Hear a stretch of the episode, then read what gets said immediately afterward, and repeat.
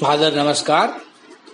बेटी पे कविता लिखना मतलब कविता पे ही कविता लिखना। परी सी बेटी के साथ खेलना, रूठी हुई गुड़िया बेटी को मनाना, बेटी का सजना सवरना, बेटी का व्रत मनाना, इन सब बातों का लुत्फ कुछ अलग ही होता है। जिन्हें बेटी नसीब नहीं होती उन्हें ज़िंदगी का एक अच्छा पहलू नसीब नहीं होता।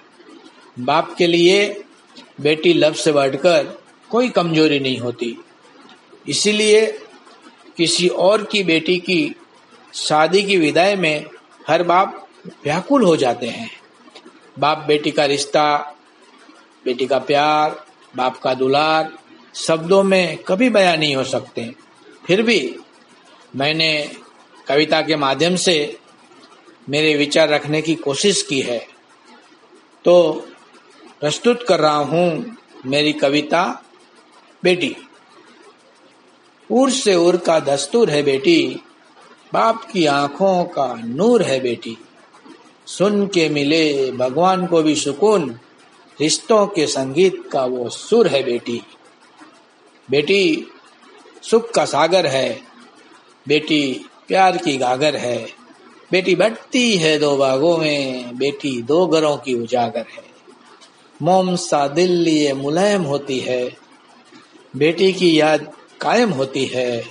बेटी नसीब वालों को नसीब होती है, बेटी हर गम का मरहम होती है।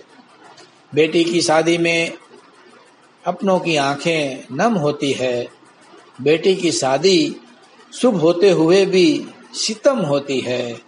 बेटी की शादी है, अजब कशिश का प्रसंग। बेटी की शादी होते ही बाप की उम्र कम होती है।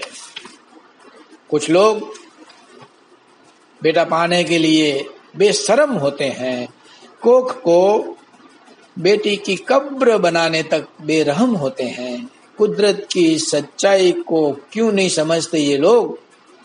बेटा हो या बेटी दोनों समान रूप से सक्षम होते हैं। धन्यवाद।